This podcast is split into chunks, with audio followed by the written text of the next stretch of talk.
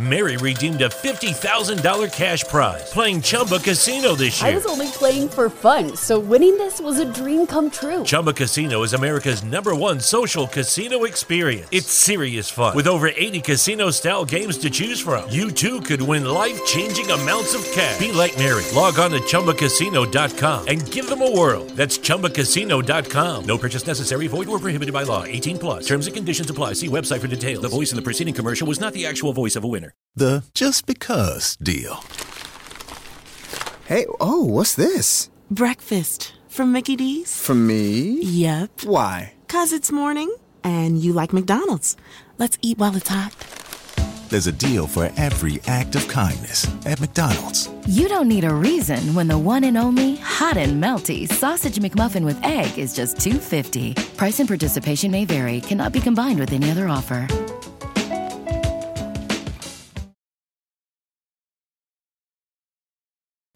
Ukryta przemyślnie w listowiu okolicznych drzew i doskonale wycelowana na właściwy kawałek szopy, kamera zacięła się akurat kilkanaście sekund przed końcem filmu.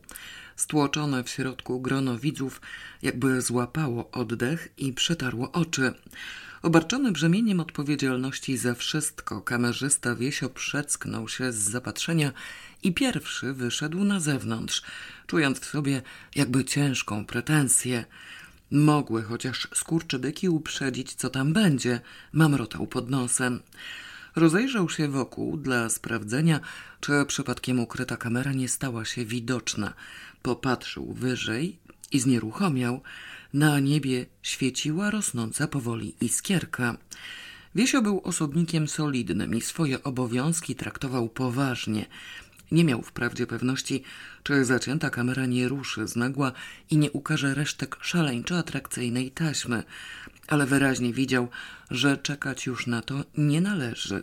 Oglądane w szopie widoki napełniły go jakąś potężną mocą, której koniecznie i natychmiast musiał dać ujście.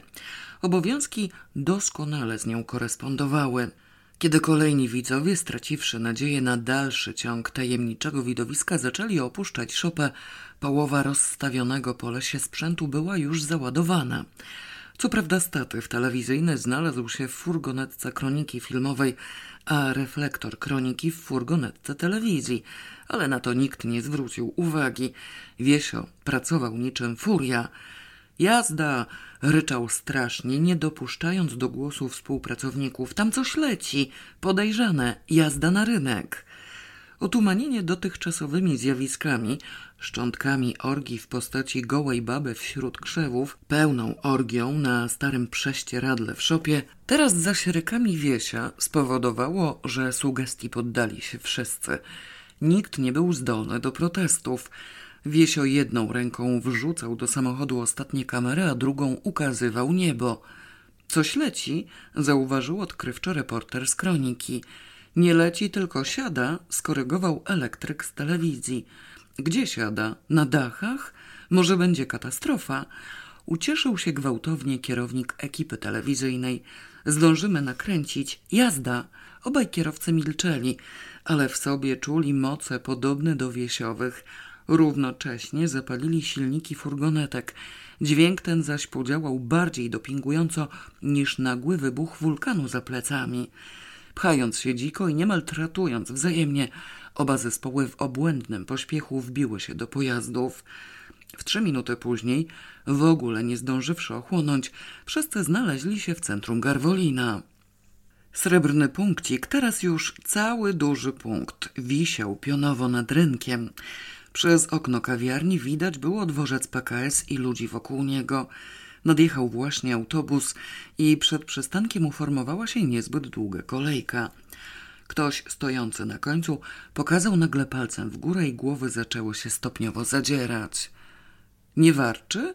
Wyszeptał za szybą pytająco półprzytomny z przejęcia zastępca dyrektora ośrodka. Specjalnie wytłumiony, odszepnął sekretarz redakcji, resztką sił hamując emocje. Genialny facet, jak on pięknie schodzi, dokładnie według umowy. Na rynku większość ludzi pozadzierała już głowy do góry. Leśniący srebrzyście przedmiot, trochę podobny do grubego wrzeciona, z wielkim wirującym świetlistym kręgiem u góry i drugim nieco mniejszym na jednym końcu, wisiał już wprost nad rynkiem, obniżając się bardzo powoli.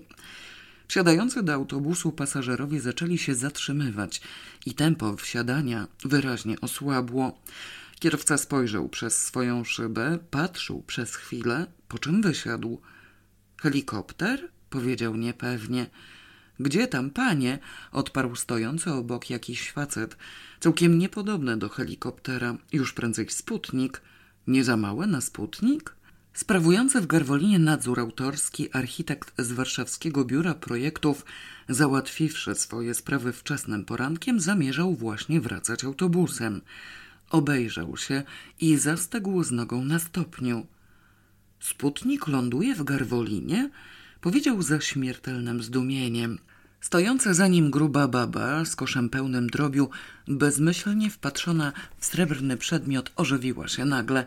Oderwała od kontemplacji, odepchnęła osłupiałego architekta i wsiadła do autobusu. Mnie tam nie obchodzi, oznajmiła z gniewnym stęknięciem. Sputnik, nie sputnik, ja tam jadę. Architekt nie protestował. Przyszło mu bowiem nagle do głowy, że być może jest świadkiem wydarzenia, wobec którego obowiązki służbowe mogą trochę poczekać. Poza tym był ciekaw, co to jest, to coś do niczego niepodobne, co tak elegancko spływa w dół. Odsunął się nawet nieco od wejścia do autobusu, żeby nie przeszkadzać innym pasażerom. Ludzie jednakże przestali wsiadać. Po uwadze grubej baby w autobusie zapanowało lekkie podniecenie. Ulokowani już podróżni zaczęli wstawać z miejsc, wtykać głowy w okna i pchać się na jedną stronę. Kto powiedział, że Sputnik? Patrz pan, całkiem pojazd kosmiczny. Amerykański czy ruski? Panie, czego pan mi się wali na głowę? A gdzie mam się pani walić? Pani w ogóle weźmie tę głowę, wszystko pani zasłania. A co? Może mam sobie uciąć dla pańskiej przyjemności? Pani patrzy, kochana, całkiem nie z tego świata. Co to za nieużyte ludzie? Każdy sam się gapi, a drugiemu nie da. Panie, pan nie wysiada. Autobus rusza, a pan z tym sputnikiem zostanie, jak taki głupi w konopiach. Gdzie tam ruszy? Kierowca też wysiadł. Przy drzwiach zrobił się tłok. Autobus coraz szybciej zaczął się opróżniać. Wszyscy wysiadający stawali wokół, ciekawie przyglądając się zjawisku. Na przełaj przez pola pędziło dwóch kilkunastoletnich chłopaków, którzy zwagarowali ze szkoły na korzyść przygotowań do połowu ryb. Przed paroma minutami dostrzegli przybywającą z błękitnych przestworzy machinę. Zdążyli uczynić kilka przypuszczeń, pokłócić się, następnie zawrzeć zakład. Teraz zaś śpieszyli, żeby go rozstrzygnąć. Co do kosmicznych cech pojazdu byli w pełni zgodni, posprzeczali się jedynie o jego pochodzenie. Jeden twierdził, że przybywa z Marsa, a drugi, że ze Związku Radzieckiego. Pomrukując i szumiąc cicho, tajemnicza maszyna obniżyła się całkowicie i dolną częścią dotknęła nawierzchni rynku. Świetlisty krąg na górze przez chwilę wirował tak samo jak w czasie lotu, po czym zwolnił nieco, a jego blask jakby odrobinę przygasł, chociaż wciąż stanowił konkurencję dla słońca. Następnie zmienił się jakoś. Robiło to takie wrażenie, jakby jeden rodzaj świetlistego kręgu przeistoczył się w drugi. Teraz było to trochę mniejsze, ale za to znów wirowało szybciej. Ciągnęło oczy i wręcz uniemożliwiało porządne obejrzenie całości. Całość zaś stała na środku rynku i poza lśniącym wirowaniem nie działo się z nią nic. Nie odsuwała się żadna szyba, nie otwierały się żadne drzwi, nie mówiąc o tym, że nie widać było drzwi, a szyby istniały w nikłym zakresie wyłącznie u samej góry, o ile w ogóle były to szyby. Wirujący krąg przeszkadzał stwierdzić, czy w środku coś się rusza. Ludzie dookoła trwali w milczeniu i bez ruchu wpatrzeni w osobliwość. Zdalnie sterowane bąknął niepewnie kierowca autobusu. Nikt mu nie odpowiedział. Z bocznej ulicy zaczęła wyjeżdżać na rynek furmanka. Woźnica spojrzał i gwałtownie ściągnął lejce. Zatrzymawszy konie, siedział na worku sieczki i gapił się bez słowa. Konie wydawały się zadowolone z postoju. Sekretarz redakcji i zastępca dyrektora ośrodka patrzyli na żywy obraz przez szybę kawiarni. Po uprzednim napięciu oczekiwania doznali takiej ulgi, że z przyjemnością posiedzieli jeszcze trochę na krzesłach. Widoczność mieli doskonałą. Pojazd kosmiczny wylądował akurat przed nimi, a pomiędzy widzami na rynku jeszcze istniały luki. Największa gęstość zaludnienia występowała w pobliżu autobusów PKS i przed sklepem mięsnym, gdzie oczekiwano przybycia jakiegokolwiek towaru. Fotoreporter opuścił lokal i przygotował się do akcji. Zwyczajny helikopter siadający w środku miasta nie stanowiłby wielkiego dziwowiska, aczkolwiek również obudziłby żywe zainteresowanie. To coś jednakże nie było helikopterem, nie mogło być. Wyglądało i zachowywało się tak, że nawet dzieci nie postąpiły krokiem w jego kierunku. Obecne były zresztą tylko młodsze dzieci, starsze bowiem siedziały jeszcze na ostatnich lekcjach w szkole. Po jednej stronie tajemniczego pojazdu bardzo powolnym ruchem ruszyły, kręcąc się, trzy równie tajemnicze lśniące szpikulce z kulkami na końcach. Obróciły się i zatrzymały. Po chwili to samo uczyniły trzy z drugiej strony. Społeczeństwo wydało z siebie jakby zbiorowe, potężne westchnienie i znieruchomiało ponownie. Dwóch zjajanych wyrostków wypadło z pomiędzy domów i gwałtownie zahamowało na skraju rynku. Niech skonam, Marsjanie! wykrzyknął ze zdumieniem były zwolennik Związku Radzieckiego. Okrzyk wstrząsnął tłumem i wyrwał go ze stanu tępego osłupienia. Na zamarłym przez kilka długich chwil rynku zapanowało poruszenie. Wokół srebrnej maszyny utworzył się szeroki krąg, pęczniejący w miarę przybywania coraz większej ilości widzów. Rosło zainteresowanie, zmieszane z niepewnością. Zjawisko wydawało się bowiem tak osobliwe, że nie sposób było wyrobić sobie na nie jakiś pogląd. Zaintrygowany architekt uczynił kilka kroków ku środkowi placu. Tłum zareagował ostrzegawczym krzykiem. Panie, pan nie podchodzi, nie wiadomo co to jest. Trzeba najpierw zobaczyć, kto z tego wysiądzie. Pan się cofnie. Ludzie, ja wam mówię, że to jest latający talerz. Jaki talerz, panie? Za długie na talerz. Latający półmisek, to jeszcze. Gdzie pan widział taki półmisek? Jezusie Maryjo! Zawył znienacka przenikliwy damski głos na tyłach kręgu. Marsyjany przyleciały. Czy to aby nie atomowe? Zaniepokoił się ktoś, bo może wybuchnie. Niech ręka boska broni, wypluj pan to słowo. Ja się odsunę na wszelki wypadek, powiedziała nerwowo młoda dama z dziecinnym wózkiem, wypychając się tyłem. Kilka osób obejrzało się za nią. Pani w ogóle stąd odejdzie, bo dziecku może zaszkodzić. Architekt postał chwilę jak harcownik przed uformowanym do bitwy wojskiem, po czym nie widząc efektu stania wrócił w łono kręgu. Cofając się, nastąpił na nogę wysokiemu, szczupłemu facetowi, zachłannym wzrokiem wpatrzonemu w lśniący pojazd. Facet co parę sekund gorączkowo przecierał okulary kawałkiem irchy. Był historykiem. Wracał z Lublina do Warszawy i właśnie nabierał przekonania, iż przerwa w podróży uczyniła go świadkiem epokowego wydarzenia. Posykując, chwycił się za przedepniętą nogę, podskoczył na drugiej, kawałkiem irchy przetarł but i powiedział tajemniczo – bo to może być, proszę pana, radioaktywne. Ależ skąd? zaprotestował zaskoczony architekt. Przecież tam są ludzie. Kto panu powiedział, że tam są ludzie? A któż by inny? Marsjanie? No nie wiem, czy Marsjanie. Na Marsie podobno nic nie ma. Urwał i odsunął sprzed twarzy jakieś zielsko majtające mu przed nosem. Zielsko było opakowane w gazetę, którą dzierżył przepychający się między ludźmi szalenie ruchliwy facet. Przez tłum przebiegło jedno słowo podchwycone z rozmowy. Marsjanie, ludzie to podobnież Marsjanie. W górnej części pojazdu coś się poruszyło. Ruch byłby prawie niedostrzegalny, gdyby nie to, że z poruszonego miejsca, tuż pod wirującym ciągle kręgiem, posypały się nagle złociste iskry, przy czym rozległo się ciche skwierczenie słabo słyszalne. Krąg cofnął się nieco wśród objawów wzrastającego niepokoju. Od strony Warszawy ukazał się nadjeżdżający autobus PKS. Jeszcze ogień z tego będzie, albo co? Niech kto zadzwoni po straż pożarną. Jakie potwory wysiądą, o Jezu, co to się robi? Autobus jedzie, zatrzymać autobus. Od tych iskier miasto z dymem pójdzie.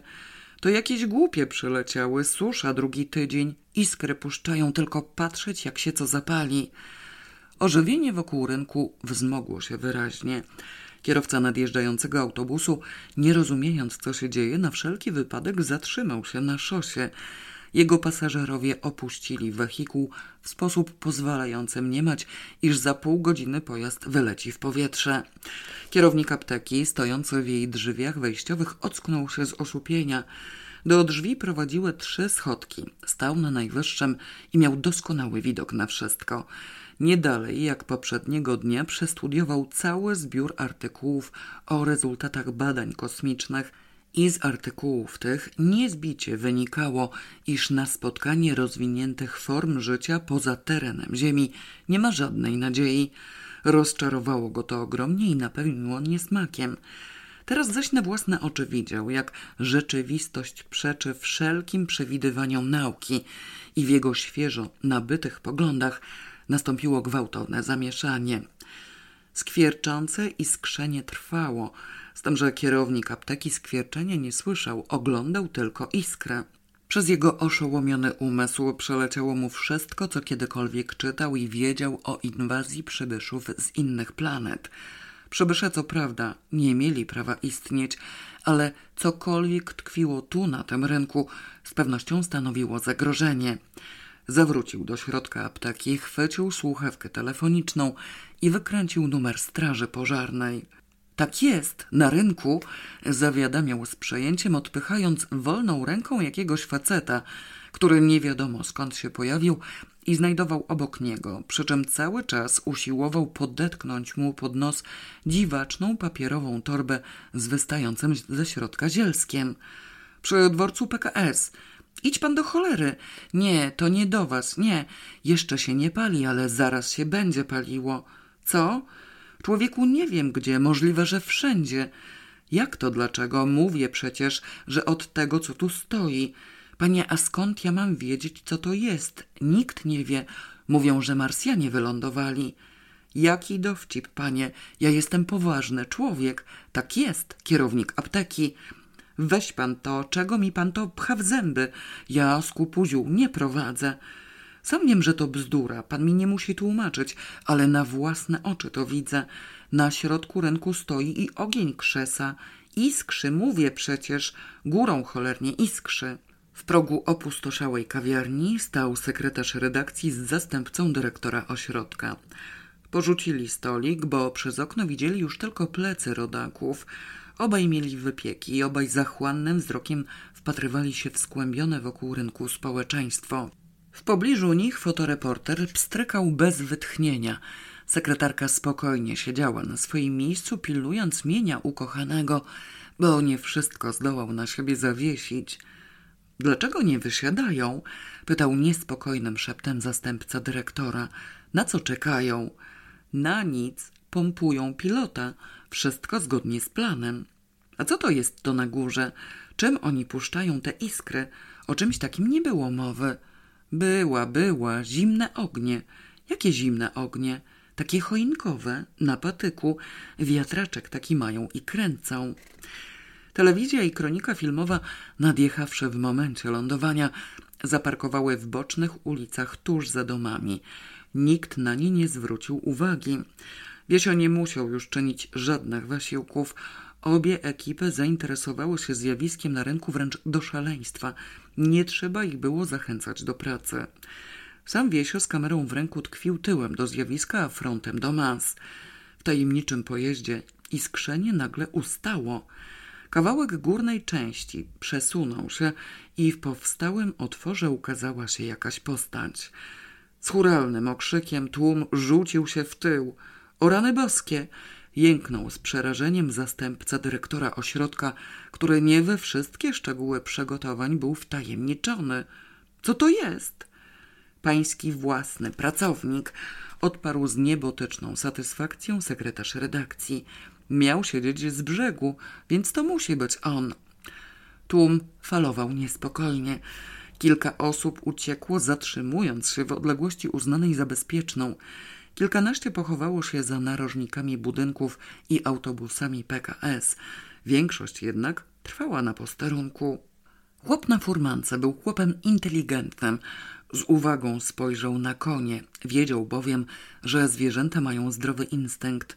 Konie nie okazywały żadnego niepokoju, pozostał zatem na miejscu.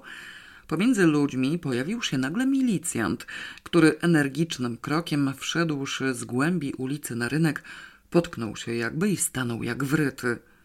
Mary redeemed a $50,000 cash prize playing Chumba Casino this year. I was only playing for fun, so winning this was a dream come true. Chumba Casino is America's number one social casino experience. It's serious fun. With over 80 casino style games to choose from, you too could win life changing amounts of cash. Be like Mary. Log on to chumbacasino.com and give them a whirl. That's chumbacasino.com. No purchase necessary, void or prohibited by law. 18 plus. Terms and conditions apply. See website for details. The voice in the preceding commercial was not the actual voice of a winner. Overstock's red tag sale is here and the hunt is on. Bring home all your cozy, cold weather favorites at clearance prices. Deep discounts on winter's best sellers couldn't come at a better time. Warm up with hot deals on bedding and mattresses. Plus, save big on storage and home improvement for a fresh start on a new year. Spot the red tag at Overstock to make your dream home come true. Proszę się rozejść, powiedział automatycznie i bez przekonania, osłupiałym wzrokiem wpatrując się w kosmiczny pojazd. Nikt nie poświęcił mu nawet jednego spojrzenia. Dziwna, pękata, lśniąca postać na wielkich łapach i z długim ryjem wylazła z maszyny i tajemniczym sposobem zsunęła się w dół. Za nią pojawiła się druga, taka sama. Okrzyki tłumu nabrały znamion szczególnych, stały się nieco ochrypłe i mniej dźwięczne. Wysiadają! Rozległo się coś pośredniego pomiędzy szeptem a jękiem. Ludzie, to przecież nie ludzkie. Myśl grafika święciła triumfy. Rany boskie, Marsjanie, patrzcie, jest trzeci, czwarty, niech ja skonam piąty. Jeszcze nie atakują, powiedział do architekta historyk, dławiąc się niemal z emocji. Nie będą atakować, wykluczone, zawyrokował dziko przejęty architekt. Tak wysoko rozwinięta cywilizacja nie zaczyna od ataku, tylko od porozumienia. To niech pan się z nimi porozumiewa, proszę bardzo. Ciekawe w jaki sposób. Za pomocą matematyki. To jest wiedza wszechświatowa. I uważa pan, że znają Pitagorasa? Z pewnością, niekoniecznie z nazwiska. Z oddali dobiegło wycie straży pożarnej. Jakiś facet stojący tuż obok architekta i historyka spojrzał nagle na nich z wielkim zainteresowaniem. Popatrzył na wysiadające zaziemskie istoty, zawahał się, po czym oderwał się od zwartego kręgu i galopem popędził w kierunku szkoły. Pięciu Marsjan stało wokół pojazdu nieruchomo i w milczeniu. Pomiędzy nimi spoczywały na ziemi jakieś nader niezwykłe przyrządy i maszyny. Dookoła widniała pusta przestrzeń, a dalej trwał ciasno zbity tłum szaleńczo zemocjonowanych ludzi, z których nikt nie miał najmniejszego pojęcia, co właściwie należałoby teraz zrobić. Pękate potwory, wysiadłszy, również nie wykazały żadnej inicjatywy i zanosiło się na to, że ta pełna zdenerwowania stabilizacja nie ulegnie zmianie aż do chwili, kiedy do akcji wkroczą dźwięki trąb na sąd ostateczny. Sprawę rozstrzygnęła straż pożarna, w pewnym stopniu zastępując trąby. Czerwony samochód z wizgiem zahamował na skraju rynku. Na widok zbiegowiska strażacy nie namyślali się ani chwili.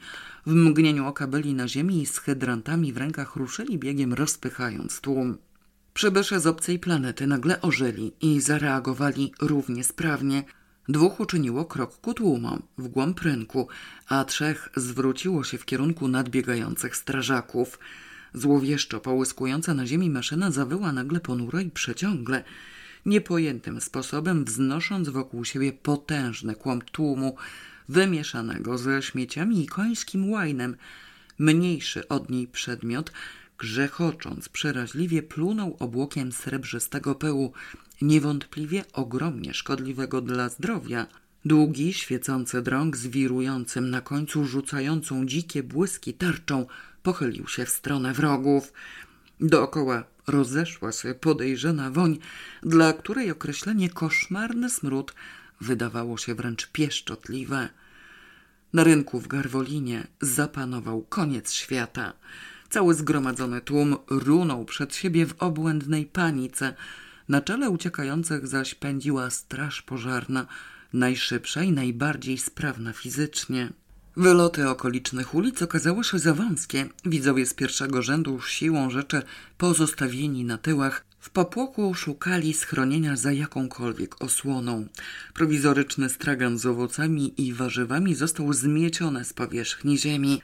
Całkowitemu unicestwieniu uległ nieczynny saturator z wodą sodową, a ustawiony ładnie na chodniku stos baniek po mleku rozleciał się z piekielnym brzękiem, zwiększając zamieszanie. Konie przy furmance spłoszyły się i spróbowały usunąć na ubocze, wjeżdżając w przerwę między budynkami, gdzie na podwórku zdołały dyszlem zdemontować wolno stojącą toaletę, która natychmiast dzieła dzielnie konkurować z bronią satyryka. Tylko różnorodność obranych kierunków ucieczki oraz swobodny dostęp do szosy Lublin-Warszawa uratowało od całkowitego zniszczenia dworzec PKS i stojące przed nim pojazdy. Głośniki uliczne uparcie nadawały wdzięczną pieśń ludową Ej, przeleciał ptaszek, ponieważ personel radiowęzła opuścił swoje miejsce pracy i nie zdołał tam wrócić. Mówił pan, że nie będą atakować, wytykał architektowi historyk z wyrzutem, a zarazem z satysfakcją i bezrozumnym triumfem, ostrożnie wystawiając głowę z za koła autobusu. Siedząc obok niego w kucki, architekt rozzłościł się i wzruszył ramionami. A kto zaczął? Myśmy zaczęli. Oczywiście, jak zwykle. Prymityw, ciemnota. Kto to widział? Od razu straż pożarna, sam kolor agresywny. Musieli to uznać za napad. Nie widzę, żeby ktoś leżał. Niech pan popatrzy z tamtej strony, czy są jakieś ofiary. Nie ma, wszyscy uciekli. Oni chyba nie rozwinęli pełnej mocy, to było raczej ostrzeżenie. W zatłoczonej do ostatecznych granic poczekalni PKS panował wyraźny niepokój. Nikt nie wiedział, co robić. Schron był równie niepewny, jak niewygodny. Opuszczenie go jednakże wydawało się zbyt ryzykowne. Baba w kącie zaczęła odmawiać modlitwy zakonających. Ostatnia nasza godzina wybiła, zaszlochał histerycznie jakiś głos. Zniszczą wszystko, kamień na kamieniu nie zostanie, przepowiedział złowieszczo drugi. Jeszcze tylko tego nam brakowało. Mało było Hitlera drania, mówił trzeci z rozgoryczeniem. Panie, weź pan do cholery to zielsko. To ta straż pożarna ich rozdrażniła. Po co to było od razu z sikawkami? Nie można spróbować po dobroci? Wojsko sprowadzić? Ludzie, uciekajmy stąd. Jak tu przyjdą, to już nikt z życiem nie ujdzie. Nie idą jeszcze. Pani, czego pani się rzuca? Zginiem w tym kurniku. Stój pani spokojnie do wielkiej anielki. Co pani po odciskach tupie? Co oni tam robią? Panie, niech pan wyjrzy. Nic nie robią, stoją jak stali. A spod rąk im nie pryska? A cholera ich wie, gdzie mają ręce, ale nigdzie nie pryska. Wepchnięci już w pierwszej chwili do wnętrza kawiarni sekretarz redakcji i zastępca dyrektora ośrodka zdołali uczepić się stolika, przy którym siedziała sekretarka. Zgarnęła pod nogi pilnowane puste i pełne futerały i całkowicie straciła spokój i opanowanie. Gdzie Januszek? dopytywała się gwałtownie bliska łez. Zostawiliście go na pastwę. Zatratuje go to dzikie stado. Czy oni zwariowali? Po co straszą tych ludzi? Gdzie Januszek? Jest, Januszek, jest! Uspokoił ją pośpiesznie sekretarz redakcji. Widzę go, lata za ludźmi z kamerą. Marysiu, przestań histeryzować, przecież Janusz nie ucieka. No to co? Ale reszta ucieka. Czy to było w planach? Pytał natrętnie zastępca dyrektora ośrodka, kurczowo trzymając się nogi stolika i z całej siły starając się zachować pod sobą krzesło. Trochę gwałtowne to zamieszanie, spontaniczna reakcja. Jeden uciekinier z placu boju wyrżnął go łokciem w ucho, więc zamilkł. Sekretarz redakcji zlitował się nad nim z pewnych szczególnych przyczyn. No w jakimś stopniu owszem, społeczeństwo do paniki ma prawo.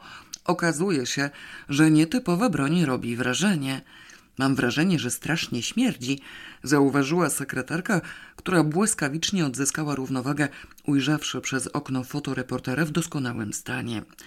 W obliczu zachowania reszty społeczeństwa występował w charakterze albo bohatera, albo idioty.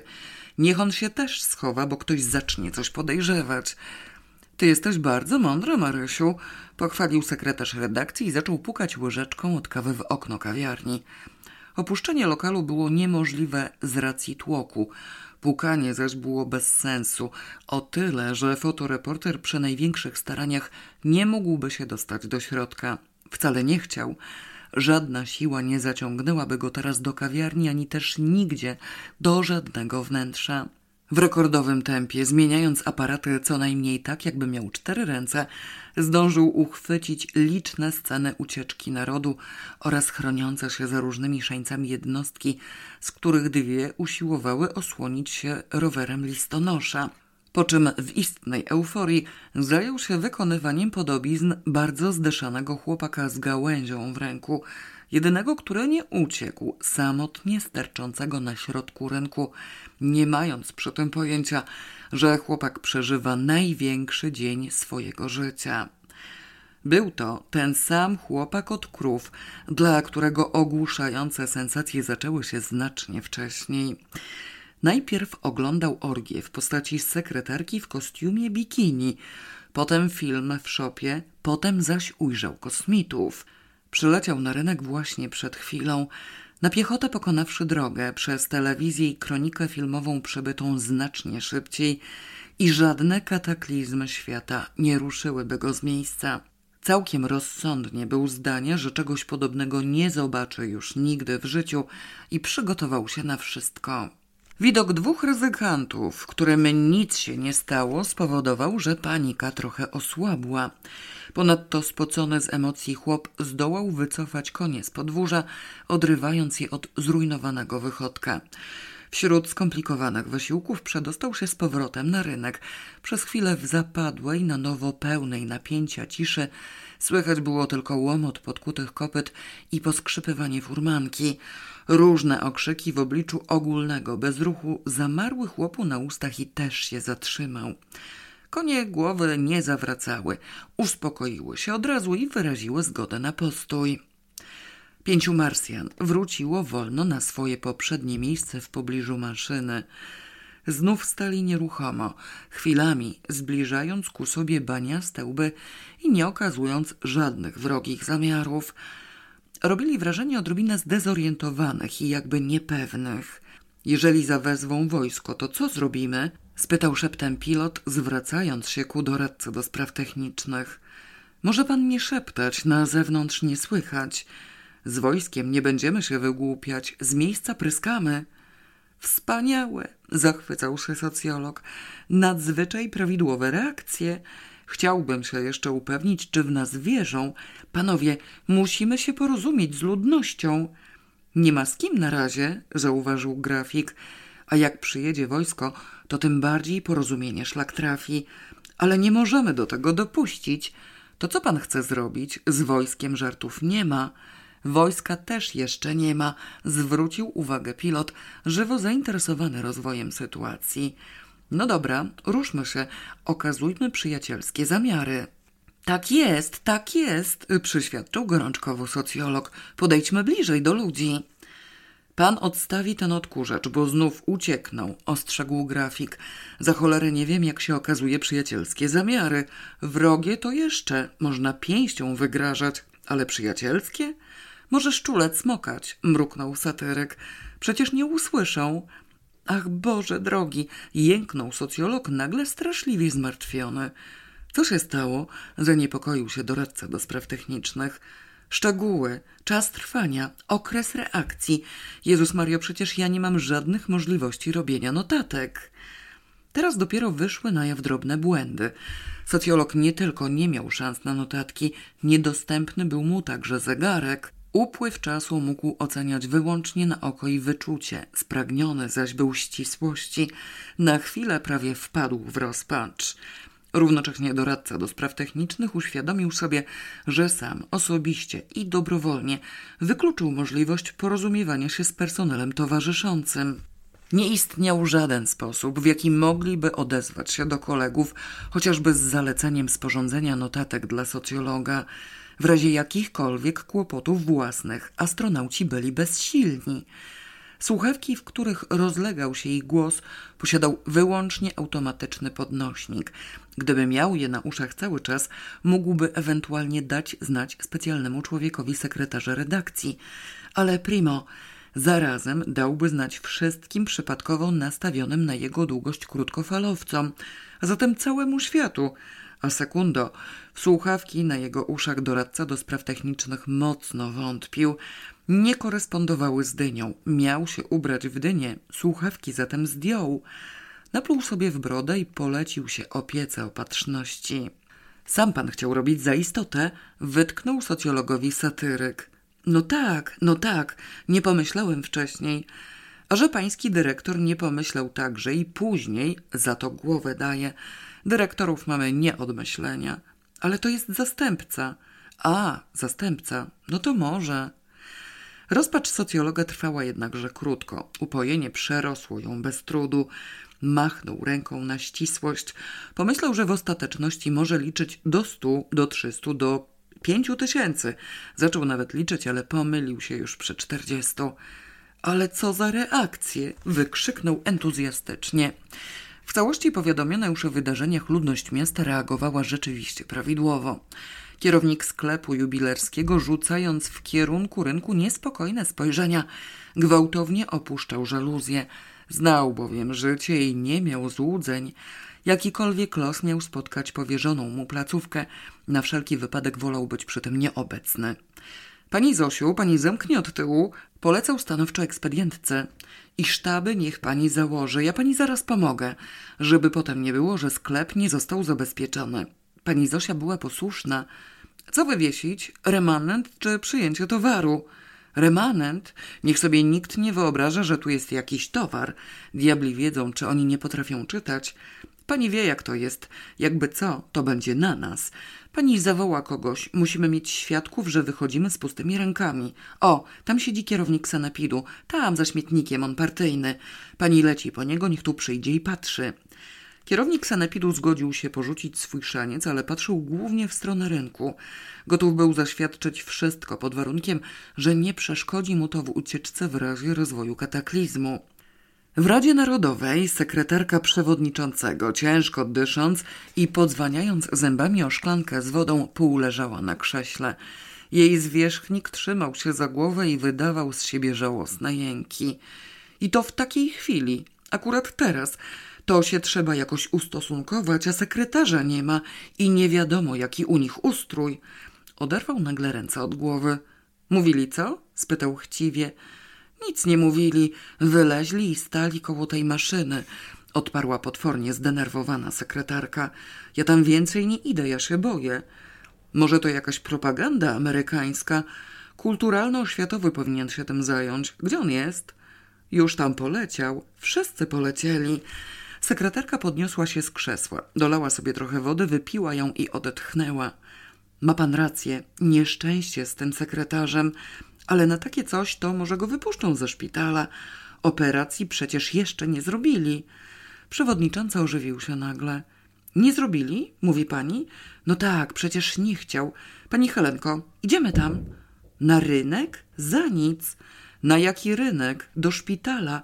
Może go wypuszczą.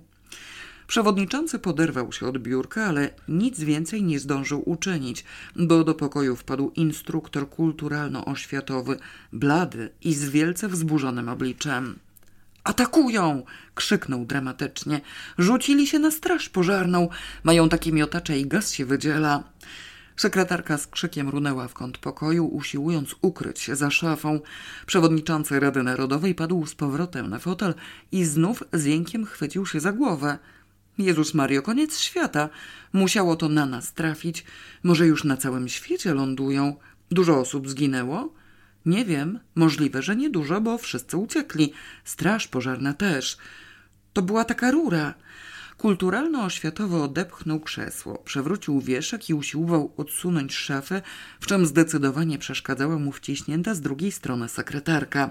Przewodniczący zerwał się z miejsca i jął szarpać go za ramię. I sekretarza nie ma, jęczał z bezgraniczną rozpaczą. Niech pan słucha. Na cholerę panu rura, do diabła. Jakąś broń trzeba mieć, nie? Pan zostawi broń do ciężkiej zarazy. Dużo pan zwojujesz tą rurą. Chodź pan, lecimy do szpitala, bo jeszcze drogę odetną. Sekretarz się tym powinien zająć. Ja odpowiedzialności nie biorę. Zostaw pan tę szafę do wszystkich diabłów. Chodź pan. Gwałtowne nalegania, w czasie których z trzaskiem zleciała na podłogę stojąca na słupku palma, oderwały wreszcie kulturalno-oświatowego od poszukiwania broni. Obaj panowie wybiegli, pozostawiając pokój w stanie ruiny i sekretarkę w stanie histerii. Problem przewodniczącego Rady Narodowej polegał na tym, iż sprawujący faktyczne rządy w mieście sekretarz popu, czyli podstawowej organizacji partyjnej, bez którego nie podejmowano żadnych decyzji i na którego można było przerzucić wszelką odpowiedzialność, przebywał właśnie w szpitalu z rozpoznaniem kamicy nerkowej. Cały personel lekarski przy intensywnej pomocy rodziny sekretarza usiłował nakłonić go do wyrażenia zgody na operację. Chory zaś protestował wszelkimi siłami. Próżno tłumaczono na różne sposoby, iż posiadany przez niego gatunek sam z siebie za żadne skarby świata nie opuści organizmu i trzeba go wyjąć przemocą. Próżno straszono okropnymi skutkami zwłoki, próżno prezentowano optymistyczne i pouczające przykłady udanych zabiegów. Sekretarz popu trwał przy swoim, zajmując łóżko w szpitalu, dezorganizując pracę Rady Narodowej i cierpiąc katusze. W szpitalnej ciszy, mąconej wyłącznie przeraźliwymi brzękami naczyń kuchennych i urządzeń transportowych, narastał powoli niezwykły, niespokojny gwar odmiennego rodzaju, który dotarł wreszcie do uszu myjącego ręce lekarza. Lekarz mył ręce już przeszło piętnaście minut, zupełnie bez potrzeby. Nie miał bowiem zaplanowanej żadnej operacji. Zastanawiał się jednakże nad tym, czy by nie należało skontaktować sekretarza popu z jakimś znachorem i rozmyślał o tym tak intensywnie, że nie zdawał sobie sprawy z tego, co robi. Nasilający się nietypowy gwar oderwał go od rozważań. Przez otwarte na korytarz drzwi ujrzał pielęgniarkę. Co się tam dzieje? spytał. Co to za hałasy w szpitalu? O co chodzi? Pielęgniarka miała jakiś dziwny wyraz twarzy. Zatrzymała się. Nic w ogóle nie rozumiem, odparła z zakłopotaniem. Podobno na dworcu PKS wylądował pojazd kosmiczny. Lekarz zainteresował się żywo. Radziecki czy amerykański? spytał z zaciekawieniem i zaczął wyczerać ręce. Kiedy właśnie podobno w ogóle jakiś obcy z innej planety. U nas w Garwolinie? Zdumiał się lekarz. Przez chwilę patrzył na swoją pracownicę z wyrazem niesłychanego zaskoczenia, po czym zreflektował się nagle. Co za bzdura, pojazd z innej planety, idiotyzm. Pewno film kręcą, a ludzie zaraz brednie opowiadają. Kiedy nie, powiedziała coraz bardziej zakłopotana pielęgniarka. Wcale nie ma filmu, w ogóle nikogo nie ma. Naoczni świadkowie mówią, że wysiedli jacyś całkiem niepodobni do ludzi i rzucili się na straż pożarną i w ogóle wszystko takie dziwne. Lekarz zawahał się i spojrzał na nią niepewnie. Mary redeemed a $50,000 cash prize playing Chumba Casino this year. I was only playing for fun, so winning this was a dream come true. Chumba Casino is America's number one social casino experience. It's serious fun. With over 80 casino style games to choose from, you too could win life changing amounts of cash. Be like Mary. Log on to chumbacasino.com and give them a whirl. That's chumbacasino.com. No purchase necessary, void or prohibited by law. 18 plus. Terms and conditions apply. See website for details. The voice in the preceding commercial was not the actual voice of a winner. Overstock's red tag sale is here and the hunt is on. Bring home all your cozy, cold weather favorites at clearance prices. Deep discounts on winter's best sellers couldn't come at a better time. Warm up with hot deals on bedding and mattresses. Plus, save big on storage and home improvement for a fresh start on a new year. Spot the red tag at Overstock to make your dream home come true. Niemożliwe, powiedział bez przekonania. Z innej planety? Nonsens. Chociaż Diabli wiedzą. Coś by się o tym wiedziało, gdyby do nas lecieli. Pielęgniarka spojrzała dziwnie. No tak, zgodził się lekarz. Mogli ukryć. Nie słuchałem ostatnio Londynu ani wolnej Europy. Bardzo trzeszcze. Wzmocnione zagłuszanie. Coś w tym może być. Może to i dobrze, że jeszcze nie zrobiliśmy tej operacji. Sekretarz popu uniósł się właśnie na łóżku i z nieskrywanym przerażeniem patrzył na przejętą i zdenerwowaną salową. Co pani powiedziała? spytał niespokojnie. Jakieś przyleciały z kosmosu? Czy to pewne? Jak amen w pacierzu, przeświadczyła salowa i łupnęła się pięścią w rozległą klatkę piersiową. Żebym skonania nie doczekała. Nadleciało takie świecące, śrebne i wysiadły z tego takie też świecące jak ropuchy.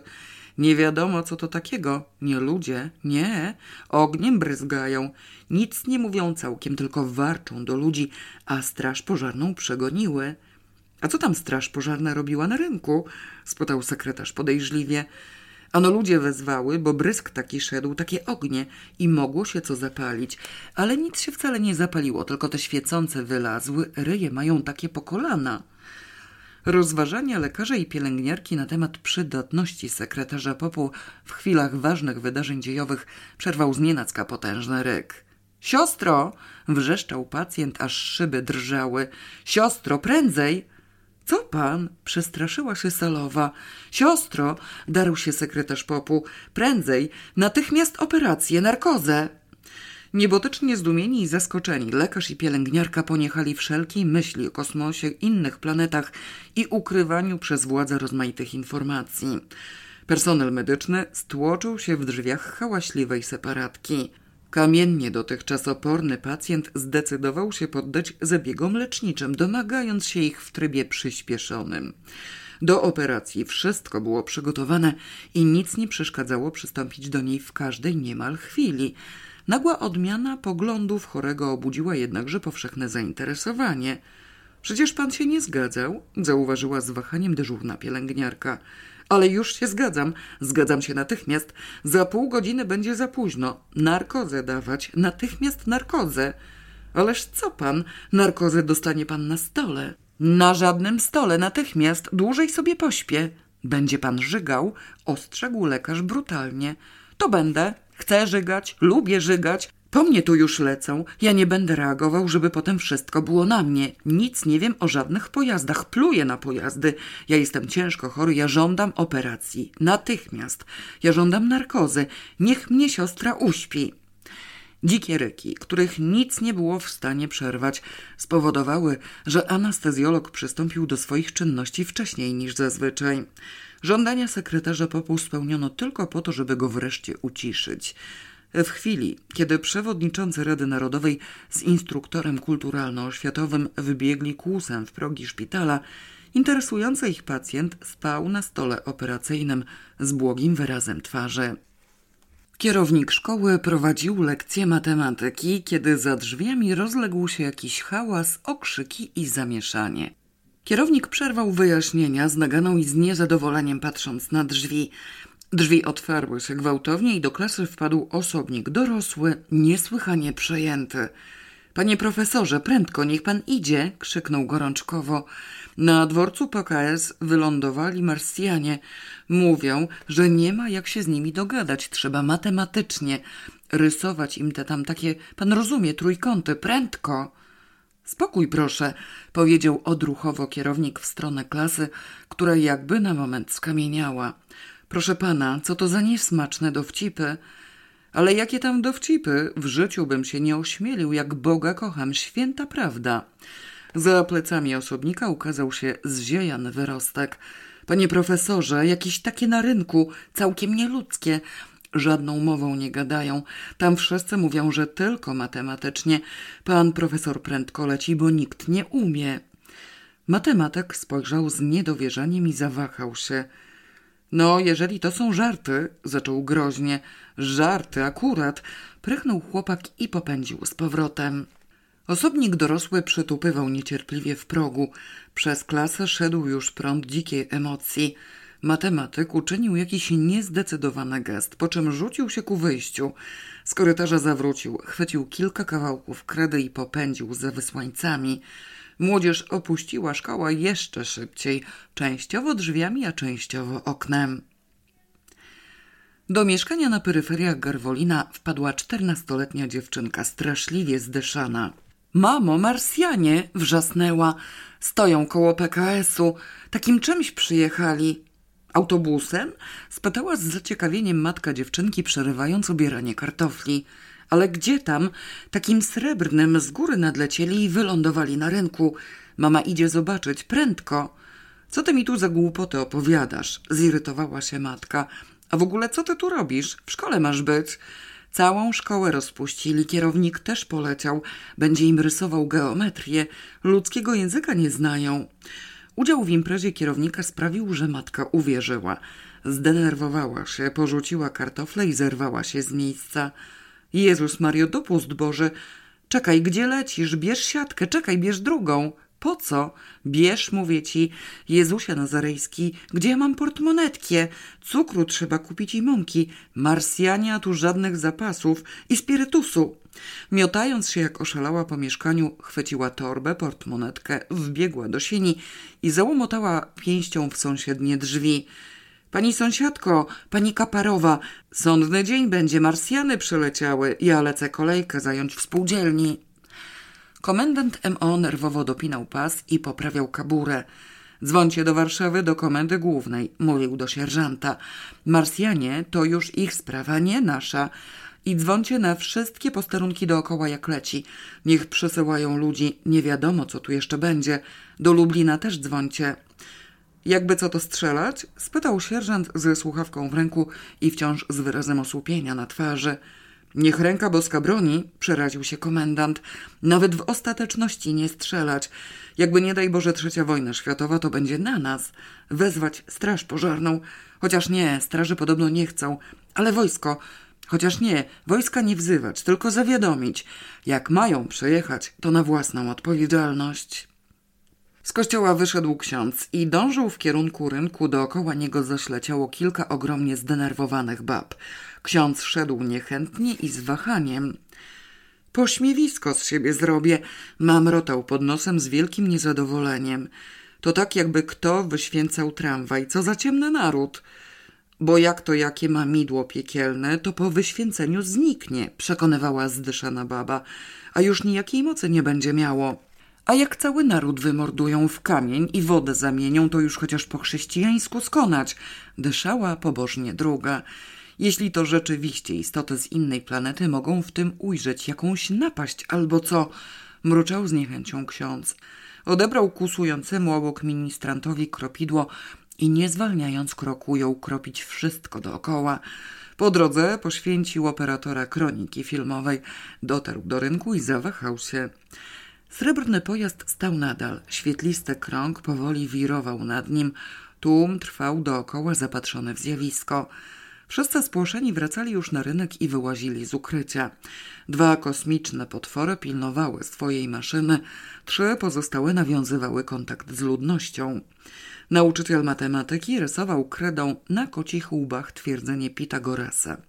Rysował je tak już piąty raz, coraz to dalej, usiłując przemieścić istotę z przestrzeni z nierównego środka rynku na nieco równiejszy chodnik, co wyglądało trochę tak, jakby wabił kurę. Istota posłusznie człapała za rysunkiem, za nią lazły dwie następne. Dotarłszy wreszcie do płyt chodnikowych, nauczyciel rozpoczął właściwy eksperyment. Do dwóch boków trójkąta dorysował kwadrat. Spojrzał pytająco i zachęcającym gestem wyciągnął rękę z kredą. Trzy potwory, z trudem zgięte ku przodowi, przez chwilę wpatrywały się w chodnik, po czym zbliżyły ku sobie baniaste łby. Co on chce, żeby zrobić?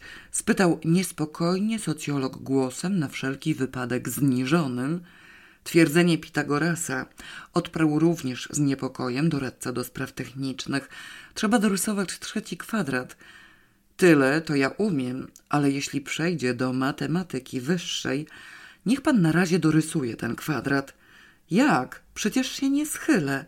No weź to, mówił łagodnie nauczyciel. No weź to, nie bój się. Wszystkie oczy zwrócone były na scenę rozgrywającą się pomiędzy pedagogiem a przybyszem z kosmosu. Zemocjonowany tłum dzielił się uwagami, po większej części szeptanymi, żeby nie zagłuszać możliwych zaziemskich dźwięków. Łażą jak pokraki, niewzwyczajone. Może być, że u siebie nie na łapach chodzą, tylko czymś jeżdżą. Wysportowane to nie są, ocenił krytycznie miejscowy bramkarz. Ale przyleciały, nie? Po rusku z nimi ktoś próbował? Panie, po rusku, po angielsku, po niemiecku, fryzjer nawet po francusku zagajał. Wszystko na nic. Słuchają jak głąby i nic. Kierownik apteki po łacinie do nich mówił. A co mówił? Różne lekarstwa wymieniał, bo więcej nie umie, ale też na nic. Może trzeba po chińsku? Panie, co pan, rany boskie? Ludzie, zobaczcie, czy o niebe nie żółte tam w środku. Sama pani sobie zobacz. To już prędzej po japońsku, bo te Kitajcy ostatnio różne takie rzeczy robią. Kierownik GS-u był w Wietnamie, niech kto skoczy po niego. Na nic, pani, oni w ogóle po ludzku nie mówią. Patrz pan, on coś robi. Potwór z pewnym wysiłkiem wyjął srebrną łepą kredę z ręki nauczyciela. Zbliżył się do ściany budynku, narysował na niej skośną kreskę odpowiadającą trzeciemu bokowi trójkąta, po czym dorysował do niej resztę kwadratu. W tłumie rozległo się oklaski. Nauczyciela dopadł nagle szaleńczo przejęty historyk. Operują skrótami myślowymi, mówił gorączkowo. Wyższa inteligencja. Trzeba im narysować układ słoneczny i w ogóle galaktykę. Może pokażą skąd przylecieli. To może być myśl zamieniona w energię. Niech pan rysuje. Układ słoneczny mogę, ale reszty na pamięć nie umiem, odparł zakłopotany nauczyciel. Wolałbym matematycznie. Wyciągnął z kieszeni drugi kawałek kredy i przystąpił do pisania po ścianie. Zachowują się jak krowy, powiedział z irytacją pozostały przy pojeździe satyryk do pilota. Ludzie klaszczą, a oni nic, debile. A co powinni zrobić? Zaciekawił się pilot. Kłaniać się? Pan też chyba zgłupiał. Przeciwnie, przestraszyć. No niech pan sobie wyobrazi. Poleciał pan na jakiś tam Alfa Centauri. Nawiązuje pan stosunki pozornie przyjacielskie, a tu nagle za panem obce dźwięki. Zgrzyty, kwiki albo co. Przynajmniej by się pan zaniepokoił. Popatrzyłbym, zgodził się pilot, jaki mają wyraz twarzy. A może oni w przypływie życzliwości warczą i szczerzą zęby albo plują. Nie musi pan oceniać prawidłowo. Pilot zrozumiał problem. Cholera, ma pan rację, ale może dać im do zrozumienia, że ich znamy, bo już tu byliśmy potajemnie. Wiemy, że klaskanie to aprobata. Niby można, tylko jak? Pilot w zakłopotaniu bezwiednie poruszył podwoziem samochodu, przejechał kawałek tam i z powrotem i zagrzechotał. Podejść kawałek i powiedzieć im? Ta nasza akustyka ma zasięg 15 metrów. Zaraz, tu mamy obowiązki. Ksiądz umoczył kropidło w wodzie święconej niesionej przez ministranta i uroczyście zbliżył się do srebrnego pojazdu. Pilnujące go potwory nie protestowały. Jeden z nich tylko wysunął przed siebie niewielki, błyszczący przyrząd, który zaterkotał głośno i zamilkł. Ksiądz cofnął się nieco, po czym zamaszystym i zdeterminowanym gestem pokropił srebrną maszynę Marsjan i ludzi wokół. Kilkanaście osób w tłumie poklękło i zaczęło się żegnać. Sekretarz redakcji z mikrofonem w ręku i błogim szczęściem w duszy tkliwie obserwował scenę wyświęcania z bliskiej odległości. Za łokieć chwycił go nagle jakiś facet. Pan jest może dziennikarzem? Spytał pośpiesznie i nie czekając na odpowiedź ciągnął dalej. Wszystko jedno zresztą, pan ma mikrofon, proszę pana. To trzeba nagrać. Które? spytał sekretarz redakcji odrobinę zdezorientowany. Ten terkot, słyszy pan? Ta maszyna wydaje jakieś dźwięki. To może coś oznaczać, to może być ich mowa, to trzeba zbadać, niech pan idzie. Sekretarz redakcji gwałtownie zaprotestował, usiłując mu się wyrwać. Ależ co pan, panie, na nierównościach grzechocze, na co to komu? Niechże pan nie stawia przeszkód. Upierał się z naganą facet, ciągnąc sekretarza redakcji w kierunku Marsjanina. Pan utrudnia postęp nauki. On się zaraz Mary redeemed a $50,000 cash prize playing Chumba Casino this year. I was only playing for fun, so winning this was a dream come true. Chumba Casino is America's number one social casino experience. It's serious fun. With over 80 casino style games to choose from, you too could win life changing amounts of cash. Be like Mary. Log on to chumbacasino.com and give them a whirl. That's chumbacasino.com. No purchase necessary, void or prohibited by law. 18 plus. Terms and conditions apply. See website for details. The voice in the preceding commercial was not the actual voice of a winner. Overstock's red tag sale is here and the hunt is on. Bring home all your cozy, cold weather favorites at clearance prices. Deep discounts on winter's best sellers couldn't come at a better time. Warm up with hot deals on bedding and mattresses. Plus, save big on storage and home improvement for a fresh start on a new year. Spot the red tag at Overstock to make your dream home come true. Poruszy. Niżej, niżej, no! Potwór z kosmosu przesunął lśniący przyrząd z głośnym grzechotem. Zaskoczony i nieco ogłupiały sekretarz redakcji, szarpany przez podnieconego osobnika, zbliżył mikrofon do przyrządu. Potwór uprzejmie przysunął przyrząd do mikrofonu. Sekretarz redakcji, niezdolny oprzeć się presji, starannie nagrywał na taśmę terkot podwozia dziecinnego samochodu. Nauczyciel napisał na murze budynku wzór matematyczny i odwrócił się wyczekująco. Doradca do spraw technicznych zbliżył dłoń ku ścianie.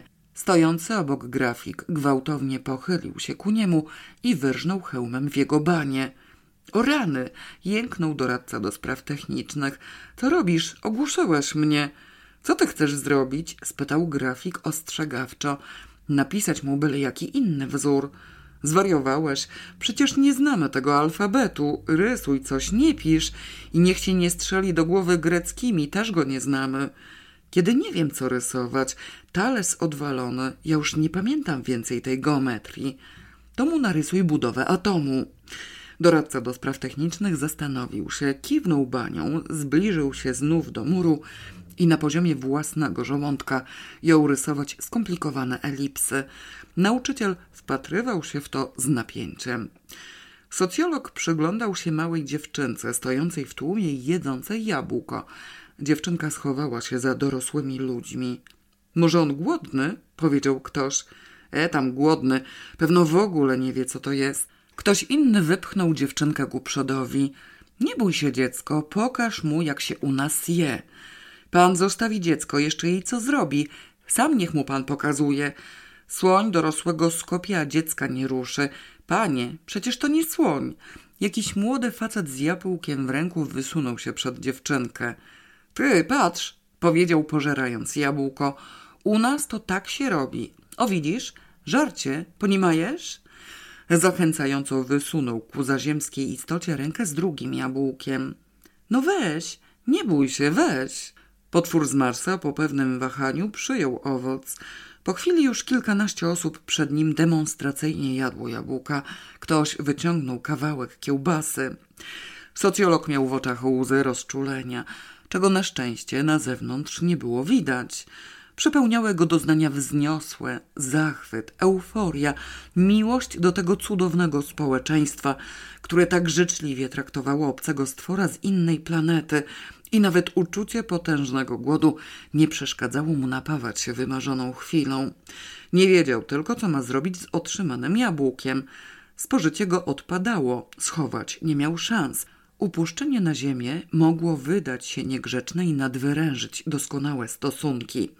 Trzymał je w srebrnej łapie i pocił się przeraźliwie nie tylko z gorąca, ale także z zakłopotania, aż wreszcie błysnął mu pomysł. Odwrócił się, poczłapał ku maszynie i wręczył jabłko pilotowi, którego rozpoznał po rodzaju broni.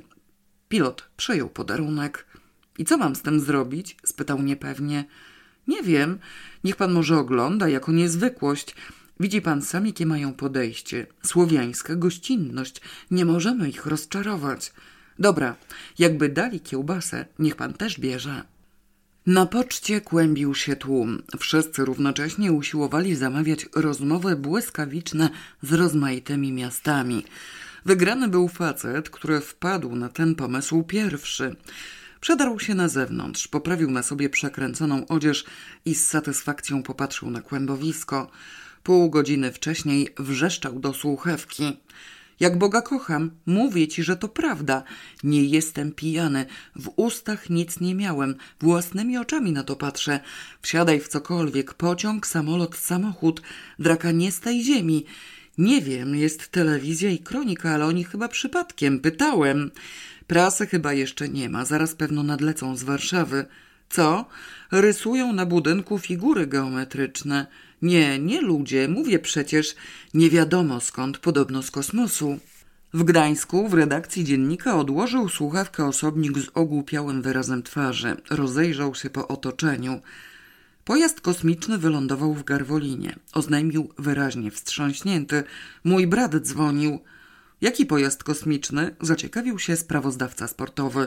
Amerykański? Nie, podobno w ogóle nie nasz. To znaczy nie z ziemi, nie wiadomo skąd. Na chwilę zapadła cisza. A twój brat jest całkiem zdrowy? spytał troskliwie krytyk teatralny. Jak byk i w zasadzie nie pije, teraz też był trzeźwy. Wszyscy gapili się w milczeniu przez parę sekund, potem zaczęli mówić równocześnie.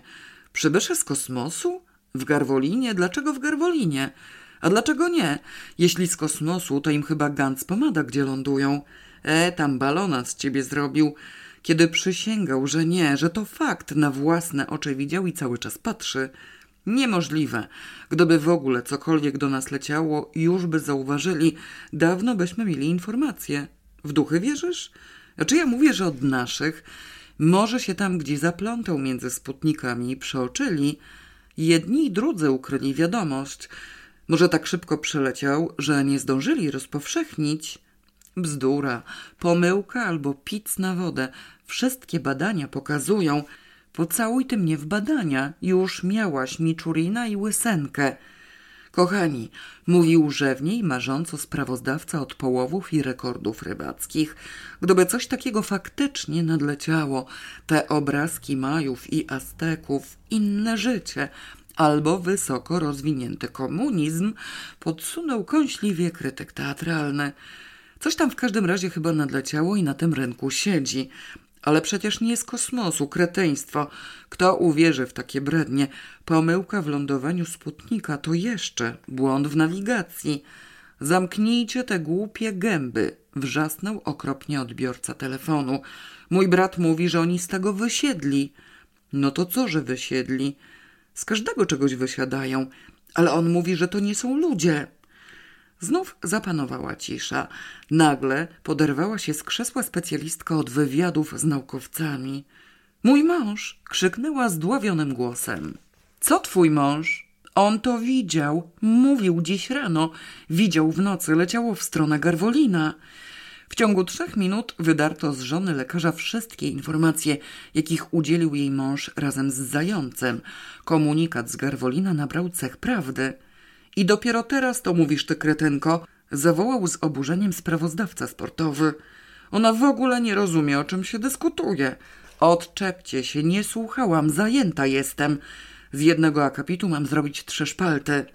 Wszystko jedno, cokolwiek to jest, na wszelki wypadek trzeba zobaczyć. Jazda, może jeszcze zdążymy. W mgnieniu oka redakcja opustoszała. Cztery osoby wepchnęły się do Opla sprawozdawcy sportowego, który wystartował z wizgiem opon. Żona lekarza odetchnęła i zabrała się do roboty. Eksperymenty międzykonstelacyjne na rynku garwolińskim nie tylko trwały, ale rozwijały się ku powszechnemu zainteresowaniu. Sekretarz redakcji i fotoreporter odnaleźli się wzajemnie i stali w grupie ludzi w pobliżu pojazdu kosmicznego.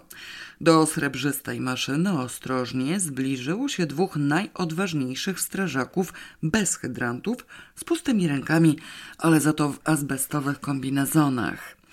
Jeden z pilnujących potworów odwrócił się ku nim i znów popchnął przed sobą terkoczącą maszynę.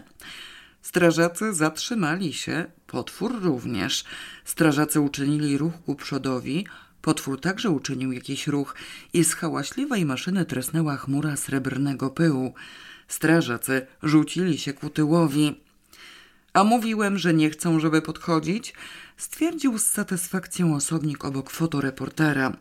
Fotoreporter opuścił aparat fotograficzny, bo już mu trochę ręce zdrętwiały. Suszerka do włosów i brokat fryzjerski, szepnął z podziwem do sekretarza redakcji. Popatrz, co za efekt. Niech się tylko człowiek nastawi, sam by uwierzył. Cholera, odszepnął z irytacją sekretarz redakcji. Musiałem nagrać ten rzęgot, żeby nie wzbudzić podejrzeń. Nieznacznym ruchem uniósł mikrofon, bo rozmowy wokół nich nie milkły. Ciekawe, czy to w ogóle istoty żyjące, mówił z ożywieniem starzysta od weterynarza, bo może przyleciały automaty. Automaty w takich kombinezonach? Muszą być ludzie, znaczy nie ludzie, ale coś żywego. Nasza atmosfera pewno im szkodzi. A pewnie smrodzą z tych autobusów, że udusić się można. Dziwne, że nie ma radia i telewizji. Coś pan, telewizja jest już dawno i nawet kronika za rogiem stoją. Jak na Marsjan to mało, to nie Marsjanie, na Marsie nie ma ludzi. Nie wszystko panu jedno, grunt, żeby się z nim jakoś w końcu dogadać. Tu jeden gość ma krótkofalówkę, cały czas nadaje, gdzie popadnie. Całą Europę zdążył już chyba zawiadomić. Fotoreporter i sekretarz redakcji przypadkiem usłyszeli to zdanie. Popatrzyli na siebie z lekkim niepokojem i usunęli się na stronę. Cholera, trochę za wcześnie, ocenił fotoreporter. Lada chwila przydmucha tu coś poważnego. Nie tak zaraz, w pierwszej chwili nikt nie uwierzy, odparł optymistycznie sekretarz redakcji. Powymieniają między sobą parę słów na odległość, a to musi potrwać. Fotoreporter ożywił się nagle. Ty, Krzysiek, a jakby tak przeczekać chociaż ze dwa dni? Zdjęcia, taśmy, ty masz pojęcie jaka to forsa? Nie mówię, że muszą wierzyć, sama niepewność wystarczy. Sekretarzowi redakcji rozjaśniła się twarz, ale już po trzech sekundach pokręcił głową i westchnął. Żadne takie. Czerpanie zysków z nierządu, znaczy tego rozumiesz, zanim się obejrzymy, już idziemy siedzieć. Fotoreporter też westchnął. Szlak jasny. Taka okazja, rzekł z żalem. Ale może coś tam się uskrobie na uboczu? No dobra, to co robimy? Kończymy imprezę, czy ryzykujemy i czekamy, aż kto przyjedzie do ostatniej chwili? Ja bym zaryzykował. Trzeba tylko uprzedzić Olszewskiego. Niech on z nimi gada, jakby co, powie prawdę, bo i tak bez dementi się nie obejdzie. Wykorzystajmy okazję do końca. Fotoreporter rozejrzał się po rynku. Olszewski plączy się tam, rzekł wskazując ruchem brody zastępcy dyrektora ośrodka, który rozanielony na wszystkie strony zadawał rozmaite pytania i bez żadnego wysiłku po raz pierwszy w życiu uzyskiwał prawdziwą opinię społeczeństwa. Z notowania zrezygnował, bo i tak nie mógł nadążyć, więc nikogo nie płoszył, usiłował tylko wszystko zapamiętać. Sekretarz redakcji z fotoreporterem przepchnęli się do niego. Bez sekundy namysłu poparł zdanie sekretarza wykorzystać okazję do końca. Panie, czyś pan zwariował? Ryczał dyspozytor dworca PKS. Pan ma trzy i pół godziny spóźnienia, wszystkie telefony zablokowane. Ja mam gdzieś istoty z kosmosu i cały kosmos. Jedź pan do ciężkiej cholery. Kto nie ma spóźnienia? Uspokajał go kierowca, nie odrywając chciwych oczu od srebrnej maszyny i pękatych stworów. Wszyscy mają. A w ogóle kto panu teraz stąd odjedzie? Co to pana obchodzi? Leć pan pustym wozem. Warszawa czeka na autobusy. Telegram przysłali, bo się nie mogą dodzwonić. Lublin też. Rany boskie, kurza wasza plazma z galaktyki. Jedź pan. Jedźcie wszyscy, zaraza na was morowa. No dobra, dobra, zaraz jadę. Zupełnie pusty autobus z wyraźną niechęcią utorował sobie drogę przez tłum i ruszył w kierunku Warszawy. Na jednej z bocznych ulic kierownik sklepu jubilerskiego konferował szeptem ze swoim szwagrem. Nie wiadomo, mówił pośpiesznie, a jeśli mają minerały, to mogą mieć i złoto, albo brylanty, albo w ogóle kamienie szlachetne. Ty wiesz, Leoś, jak to jest, kto pierwszy, ten lepszy. Mogą pojęcia nie mieć o wartości, a u nas im się spodoba na przykład ten brukowiec, kamieni na polach jak śmiecia. Pewnie, racja, przyświadczył gorliwie szwagier. Tylko jak się z nimi dogadać? Trzeba było może co zabrać i pod mordę im podetknąć. Gdzie? W tej kupie ludzi? A masz co przy sobie? Może by wziąć którego przy tej maszynie na stronę? Franiu, jaki to może być interes? Kierownik sklepu jubilerskiego, rozglądając się niespokojnie dookoła, wyjął coś z kieszeni. No to przecież mówię, ty trombo, masz tu brylant. Ruski nieduży, ale zawsze. Chodźmy, spróbujesz. Dlaczego ja? A ty sam? Na mnie zaraz będą podejrzenia. No dobra, chodźmy razem. Pośpiesznym krokiem ruszyli w stronę rynku. Szwagier kierownika zaciskał spoconą dłoń. W spożywczym sklepie szalało piekło na ziemi. Tłum bab szturmował na ladę. Ekspedientka, ogołociwszy półki, sprzedawała towary bezpośrednio z magazynu na zapleczu. Pani nie waży, biorę cały worek. Gdzie? Co? Jaki worek? Znalazła się. Pani nie sprzedaje więcej jak po pięć kilo, dla innych nie starczy. Gdzie się With the Lucky Land slots, you can get lucky just about anywhere. This is your captain speaking. Uh, we've got clear runway and the weather's fine, but we're just going to circle up here a while and uh, get lucky. No, no, nothing like that. It's just these cash prizes add up quick. So I suggest you sit back, keep your tray table upright, and start getting lucky. Play for free at LuckyLandSlots.com. Are you feeling lucky? No purchase necessary. Void where prohibited by law. 18 plus terms and conditions apply. See website for details. Overstock's red tag sale is here and the hunt is on. Bring home all your cozy, cold weather favorites at clearance prices. Deep discounts on winter's best sellers couldn't come at a better time. Warm up with hot deals on bedding and mattresses. Plus, save big on storage and home improvement for a fresh start on a new year. Spot the red tag at Overstock to make your dream home come true. Pani pchasz kolejka. Kobiety, co robicie? Przecież oni nic nie żrą, nawet jabłka do tego ryja nie wzięli. A pani sama co robisz? Już, już, kochana, teraz ja. Cukru pięć, mąki pięć, soli pięć. Pani daje te kasze. Co panna Hania mówi? Kapary? Pani daje jej te kapary, wszystkie dziesięć. Nie ma dziesięć, dla mnie pięć. Burza nad Azją przybierała na sile w miarę ubywania towarów. Zaopatrzone w dość niezwykłe produkty, grube, rozczochrane, zziajane baby wyszarpywały z tłoku wypchane torby i siatki, okiem nawet nie rzucając w kierunku rynku. Wokół nich miotał się jakiś osobnik z bardzo pogniecionym bukietem zielska w dłoniach. Nie próbował dokonywać zakupów, życiu jego zatem nic nie groziło. Pilnujący pojazdu satyryk zauważył nagle, że w jednym fragmencie rozległej widowni nastąpiło jakby lekkie zagęszczenie. Ludzie gromadzili się wokół jednego osobnika, który pokazywał coś palcem, po czym odwracali się i pilnie zaczynali wpatrywać w machinę, już zdawałoby się obejrzaną dokładniej zaakceptowaną. Zaniepokoiło go to nieco i poczłapał do pilota pilnującego drugiej strony. Jakiś bigos, zameldował puknąwszy lekko głową w jego banie. Gapią się i wytykają was palcami, nie wiem o co im chodzi. Pilot zainteresował się żywo i przeczłapał za satyrykiem na jego stronę. Społeczeństwo rzeczywiście wpatrywało się intensywnie, tak jakby w górną część kosmicznego pojazdu. Zaniepokoił się również. Oderwało się coś, zaczął i nagle zgadł. Rany Boga żywego, automatyczny podnośnik. Ze zgrozy obaj znieruchomieli i przestali myśleć. Zagęszczony tłum dzielił się spostrzeżeniami i uwagami.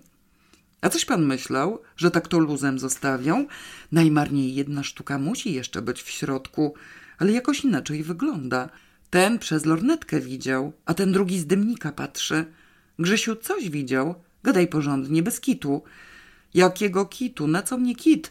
Jak na ludzkich oczach stoi. Ruszało się, to popatrzałem. Morda taka jak dynia, do niczego to niepodobne. Za szybą się kiwa. O, stąd widać. Fakt, rusza się. O Jezu, i jakby błyska. Ten w środku może być w naturalnej postaci, przekonywał z przejęciem kierownik stacji benzynowej. Te, co wysiadły, to ubrane, a ten w środku goły. I myślisz pan, że tyłek wystawia? Spytał w zadumie mechanik z warsztatu wulkanizacyjnego. Jaki tyłek? To morda. Mordy mają takie w naturze. No to przystojne nie są, skrytykowała ekspedientka ze sklepu obuwniczego. A pani chciała się za któregoś wydać? Dowcipny się znalazł. Sam pan się wydawaj. Ciekawa rzecz, co to błyska. Może ślipiami mryga. Oczów mają jak mrówków i na wszystkie strony naraz łypią. Jak to jest morda, to ja nic nie rozumiem, powiedział rozsądnie kierowca zakładu pogrzebowego. Wielka kobyła w tej banie by nie weszła. No popatrzcie ludzie, gdzie tym ubranym do tamtego gołego? Istotnie, dynia automatycznego podnośnika znacznie przerastała rozmiarami hełmy kosmonautów. Żadnemu z nich nie przyszło do głowy, że może to obudzić zastrzeżenia społeczeństwa. Bo pewno ugnietli, zauważyła odkrywczo kierowniczka skupu pierza. Takie to więcej gumiane i jak ugnietą zdrowo to maleje. Mniejsze, większe, może być, że im to wsiorawno, poparują konwojent MHD. E, Flimon, co mnie tu do wąchania wtykasz? Zabieraj te pokrzywy, bo ja nerwowy jestem. Nie flekuj, gienio, ułagodził go kolega. Nie wal w ryja, grzecznie trzeba, za granica patrzy. Goście przyleciały, niech widzą, że my dobrze wychowane. Satyryk i pilot wciąż stali przed swoim pojazdem jak martwi. Przyszło im wreszcie na myśl, że automatyczny podnośnik powinien zniknąć z pola widzenia ludności, ale nie mieli żadnego sposobu, żeby go zawiadomić, jak ogromne wrażenie uczynił na mieszkańcach Garwolina. Mieli nadzieję, że sam to spostrzeże, ale ulgi doznali dopiero, kiedy wśród zainteresowanych dostrzegli fotoreportera, a chwilę później także i sekretarza redakcji. W razie czego, chyba ich powstrzymają, westchnął z nadzieją pilot, pukając w banie satyryka, a przynajmniej nas ostrzegą. Mogliby chociaż pomachać do tego cepa, żeby nie wystawiał pyska na widok publiczny. Zdenerwował się satyryk, położy imprezę. Tamtym gorzej, zauważył pilot i wskazał ruchem bani drugą stronę rynku. Zbita gęstwa trwała przy ścianie budynku, gdzie nauczyciel ocierał pod czoła. Doradce do spraw technicznych dawno już zabrakło figur geometrycznych. Jął zatem tworzyć za podpuszczeniem grafika zaziemskie pismo. Grafikowi się nie spodobało. Zbliżył banie do jego bani. Głupoty wypisujesz, szepnął gniewnie. Oddaj tę kredę. Za bardzo te twoje gryzmoły podobne do naszych. Ja mam pomysł. Doradca do spraw technicznych z wielką ulgą przekazał mu kolejny kawałek kredy. Kredy jeszcze nie zabrakło, popędziła po nią bowiem obecna na miejscu młodzież szkolna. Wszystkie klasy zostały pozbawione materiału do pisania po tablicy. Zapas dla przybyszów z kosmosu zgromadzono duży. Zużywał się szybko, ale jeszcze resztki zostały. Grafik wpadł w natchnienie. Nauczyciel pisał a kwadrat plus b kwadrat równa się c kwadrat. Grafik zaś, wpatrując się w to pilnie, rysował obok wężyki, trójkąciki, rąby, kreski oraz różne inne kształty trudne do określenia. Historyk nie opuszczał stanowiska.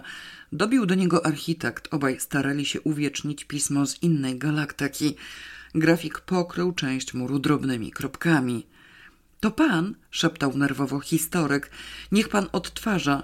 Pan umie rysować, ja nie. Później się to zbada.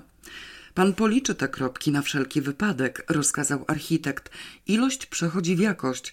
To jest nie, nie, nie to chciałem powiedzieć. Ilość może mieć znaczenie. Grafik zorientował się, iż przerysowujący jego twórczość facet jest architektem i postanowił przerzucić się na zaziemskie budownictwo. W architekcie ocknął się instynkt zawodowy. Rozpłomieniony, z wypiekami na twarzy, Wiernie odtwarzał linię z muru na odwrotnej stronie odbitek dostarczonych mu z kontrolowanej budowy. Bezeciarz z owej budy znalazł się na rynku jako jeden z pierwszych i gorliwie służył pomocą. Historyk nie marudził, nie protestował i nie stwarzał trudności. Trzymał się tylko architekta wręcz kurczowo, postanowiwszy sobie nie wypuścić z rąk bezcennych materiałów. Szalejącego wśród tłumu sekretarza redakcji odnalazł jeden z panów piastujących w dłoniach mocno już zdewastowane bukiety w opakowaniu z gazet. Panie Krzysztofie, rzekł półgłosem, tu jest jeden profesor, fizyk, zdaje się, ze swoimi własne zdjęcia zrobili. Sekretarze redakcji jakby ktoś oblał zimną wodą. Bóg ci zapłać, szepnął. Ktoś jeszcze coś wie? Tam chyba Jędruś trochę wyłapał, ale widzę, że dopadł Januszka. Sekretarz redakcji obejrzał się na fotoreportera. Fotoreporter kiwał głową w skupieniu, słuchając słów innego pana z bukietem. Sytuacja rozwijała się w kierunku niekoniecznie pożądanym. Monstrum przy ścianie budynku kontynuowało twórczość na murze. Ze skłębionych dookoła widzów wypchnął się fotoreporter i stanął tuż za jednym z potworów. Zaczynajcie się zmywać, polecił przenikliwym szeptem. Zdaje się, że zaczyna być gorąco, bez pośpiechu, ale bliżej maszyny. Potwór zawierający w sobie doradcę do spraw technicznych, odpoczywającego po wysiłkach, zakołysał się gwałtownie. Pan się odsunie, krzyknął nerwowo ktoś z tłumu. Nie dają do siebie podchodzić.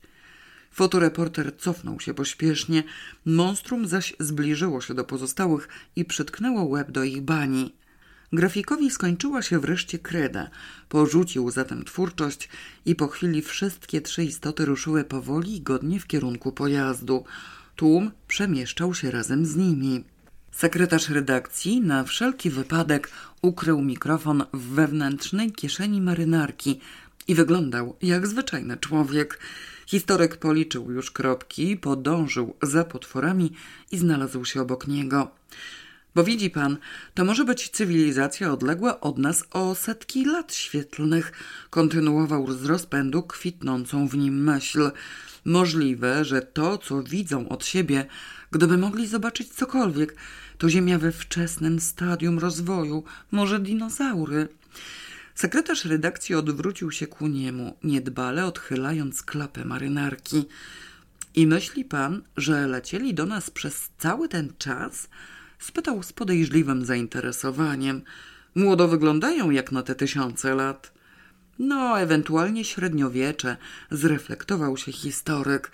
Jednak rok to rok, z tym się zgadzam, ale przelecieć mogli w ciągu jednej sekundy. Wydaje mi się, że pan przesadza. Schodzili do lądowania ładne parę minut.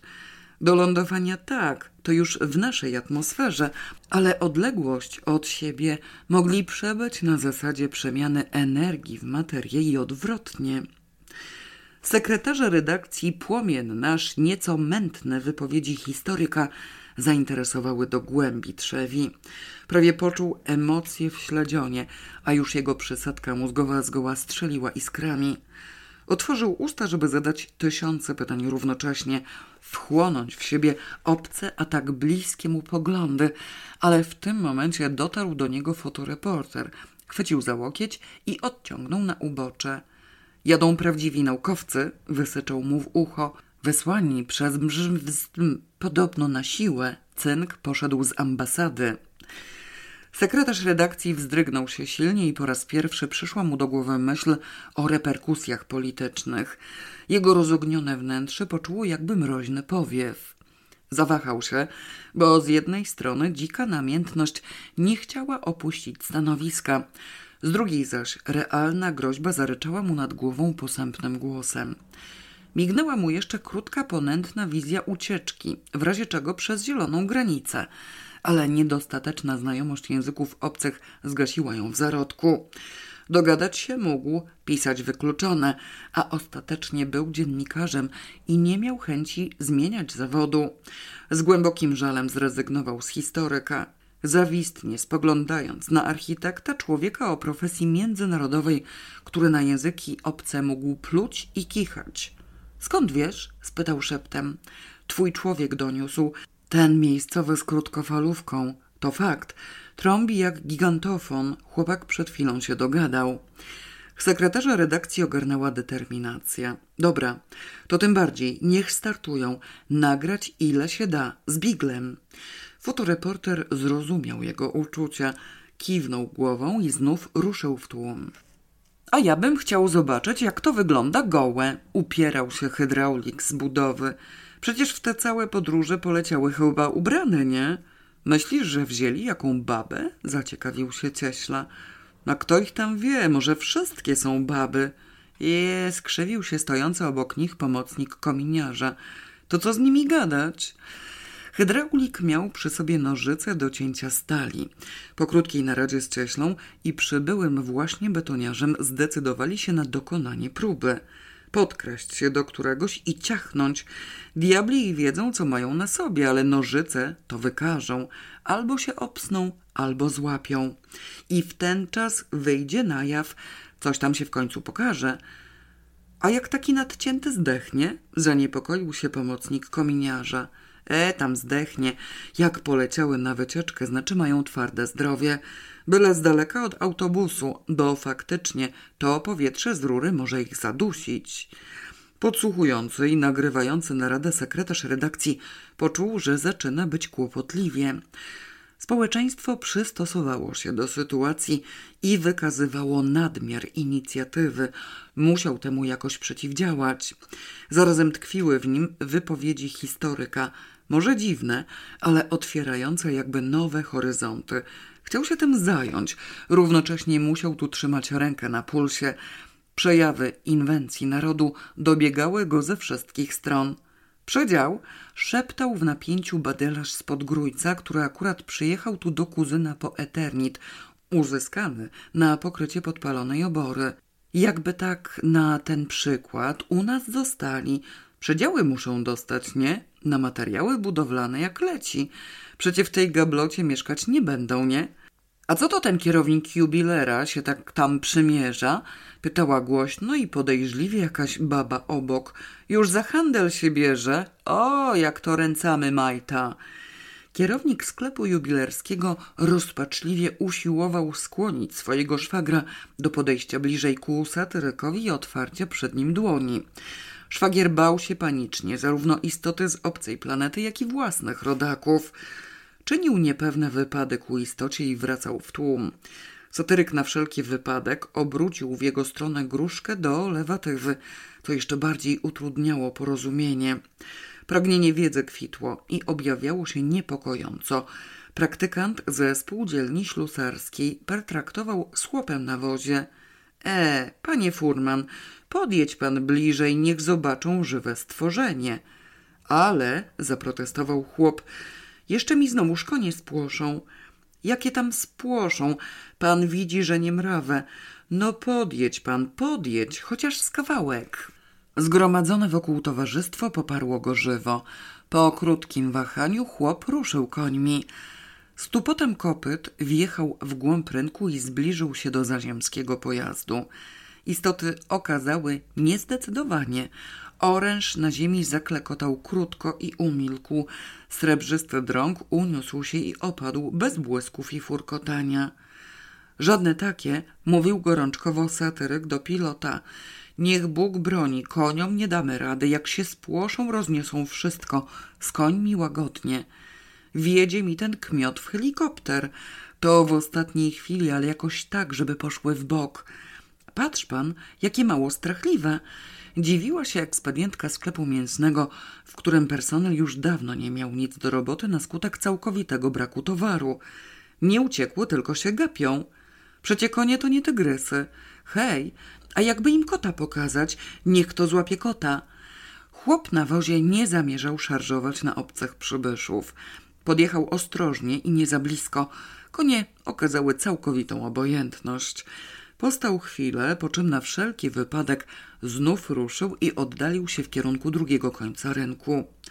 Kontakt zaziemskich istot z końmi rozczarował widzów. Nikt nie zareagował atrakcyjnie ani istoty, ani zaprzęg. Dwóch młodzieńców skoczyło w zakamarki w poszukiwaniu innej zwierzyny.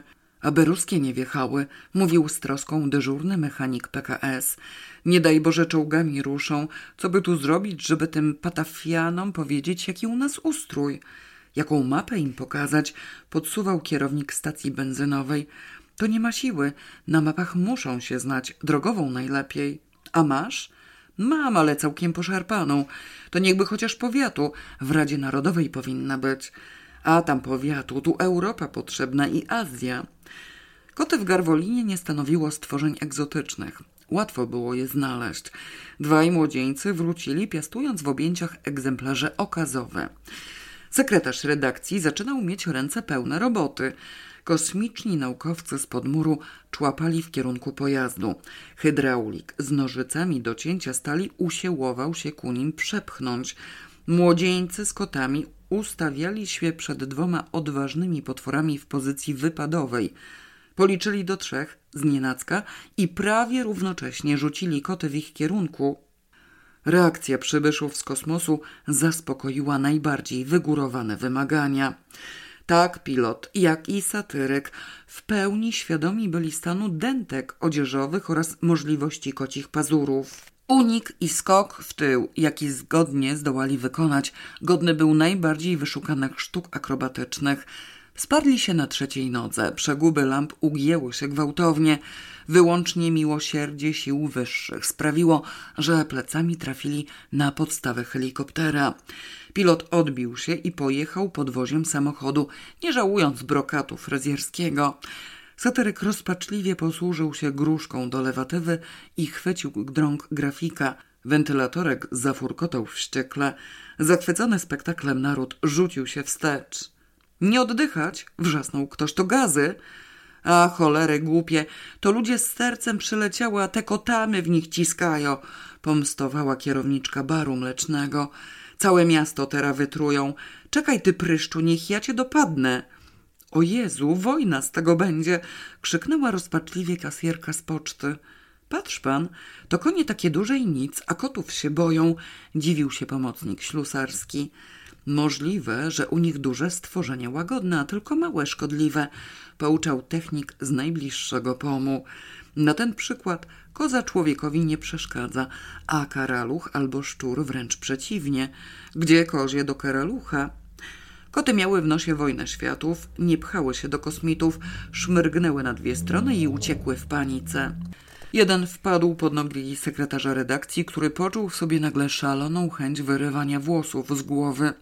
Doradca do spraw technicznych, socjolog i grafik spróbowali przyspieszyć kroku, widząc, że coś się dzieje. Zdobywcy kotów co prawda postarali się ukryć, bo społeczeństwo zdecydowanie goniło ich czyn, ale i tak już co najmniej od godziny młodzież przysparzała kłopotów. Z właściwą jej lekkomyślnością próbowała podkradać się bliżej pojazdu i przynajmniej dotknąć go palcem, oswojona już z istotami, które jak dotąd nie zrobiły nikomu nic złego. Tylko czujność pilota i satyryka utrzymywała jeszcze jaki taki dystans.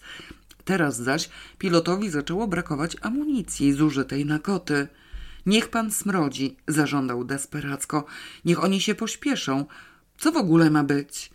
Kosmiczni naukowcy dotarli wreszcie do swego pojazdu. Doradca do spraw technicznych na wszelki wypadek rozpędził nieletnie społeczeństwo maszyną do zmietania liści, obficie dekorując je kawałkami suszonego i świeżego końskiego łajna. Brak kontaktu z personelem towarzyszącym utrudniał podjęcie jakichkolwiek decyzji. Szczują nas końmi i kotami, zawiadomił nerwowo satyryk. Lada chwila wpędzą tu złe psy. Lecimy? A w zasadzie pełna życzliwość i kontakty przyjacielskie, mówił rozgorączkowany socjolog. Nic nie rozumiem, tak różne reakcje. A, rozumiem, eksperymenty. Chyba lepiej startować, zastanawiał się doradca do spraw technicznych. Janusz ostrzegał, no nie wiem, niech ktoś warknie na tego gnoja. Tłum trwał wokół, podchodząc coraz bliżej. Szwagier kierownika sklepu jubilerskiego spoufalił się do tego stopnia, że próbował poklepać po ramieniu satyryka. Być może powstrzymała go tylko wątpliwość, gdzie istota ma ramię. Hydraulik z nożycami czaił się już w pierwszym szeregu widzów. Sekretarz redakcji nie wytrzymał. Kosmiczne istoty gmerały się wokół swojego pojazdu, nie wykazując żadnych sensownych zamiarów. Wypadł na wolną przestrzeń, potykając się i udając, że został wypchnięty. Posunięcie było ryzykowne. W społeczeństwie bowiem lęgła się już zawiść. Wzajemnie zaczynano pilnować, żeby nikt nie nawiązał z przybyszami z kosmosu zbyt bliskiego osobistego kontaktu. Pryskać! wybulgotał głosem przyciszonym. Jazda stąd, startować! Najbliższy mu grafik kiwnął banią i przytomnie skierował ku niemu srebrny krąg z wentylatorkiem na końcu. W tłumie rozległy się okrzyki. E, panie, gdzie tam? Nie podchodzić! O rany, coś mu zrobi! A niech ma, po cholerę się tam pcha do nich. Co pan masz do nich za interesy? Odważny się znalazł. Sekretarz redakcji cofnął się pośpiesznie. Wyraz twarzy miał taki, że ludność miejscowa zgodnie uznała go za szaleńca przejętego wydarzeniem aż do utraty rozumu. Przebaczono mu wypad. Grafik postał jeszcze chwilę, wyłączył wentylatorek i skierował się do pojazdu. Sekretarz partii ocknął się z narkozy, oprzytomniał w rzadko spotykanym tempie i gorzko pożałował, że zbyt wcześnie przeprowadzono mu operację. Impreza wcale nie uległa zakończeniu, trwała nadal. Co gorsza, wkroczyła na tereny czystoziemskie. Z kosmitami jeszcze może dałby sobie radę. Władza na Ziemi wymagała znacznie większego wysiłku i wyszukanej dyplomacji. Na korytarzu pod salą operacyjną czekał już na jego odzyskanie świadomości nie tylko przewodniczący Rady Narodowej, ale także przybysz z Warszawy, a to już groziło poważnym niebezpieczeństwem. Zdobył się na wysiłek nadludzki i uruchomił umysł, usuwając z niego ponarkotyczne otępienie. Mściwie pomyślał o swoim zastępcy. Zastępca wczesnym rankiem pojechał do swojej ciotecznej siostry na świniobicie i miał wrócić dopiero na zajutrz. Sekretarz jednak w ciągu pięciu sekund zrezygnował z szynki i schabu. Jego stanowisko było warte więcej. Madejczak wyszeptał słabym głosem do dwóch pochylonych nad nim dostojników. W przekorach, niech kto skoczy po niego, ja jestem ciężko chory. Przewodniczący Rady Narodowej ujrzał przed sobą cień nadziei. Doskonale znał Madejczaka, wiedział o świniobiciu, zdawał sobie sprawę, że wszyscy w tych przekorach będą kompletnie pijani. Ale cóż to szkodziło? Należało czym prędzej sprowadzić na miejsce ofiarę, na którą zwali się całą nieprzyjemność. Sam się pchał na posadę zastępcy sekretarza. Proszę bardzo, niech teraz ma. Partia, siła wiodąca, chce czy nie chce, musi decydować, a on się chętnie podporządkuje dyrektywom. Chyba, że ten z Warszawy przejmie na siebie odpowiedzialność. Ten z Warszawy też był nie w ciemię bity i wolał wrobić władze miejscowe.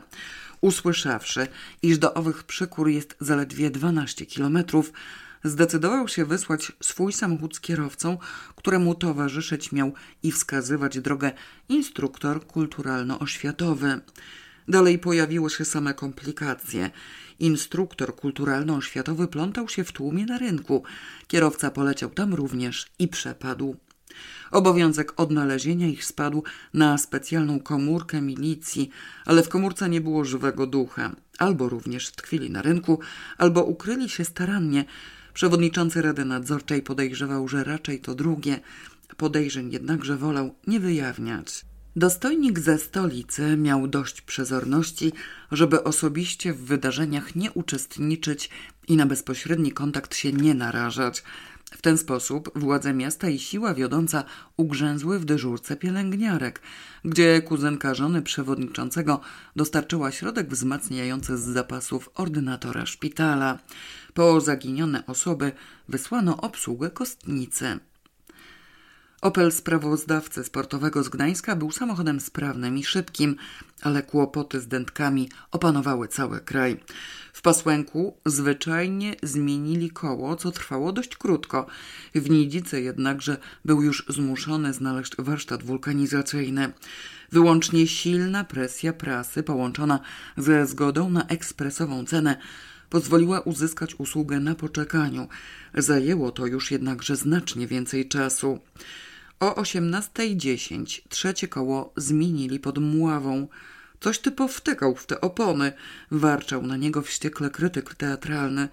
To jakieś gówno, a nie dętki. Już ci tak ciężko było kupić nowe? A spróbuj, rozzłościł się sprawozdawca sportowy.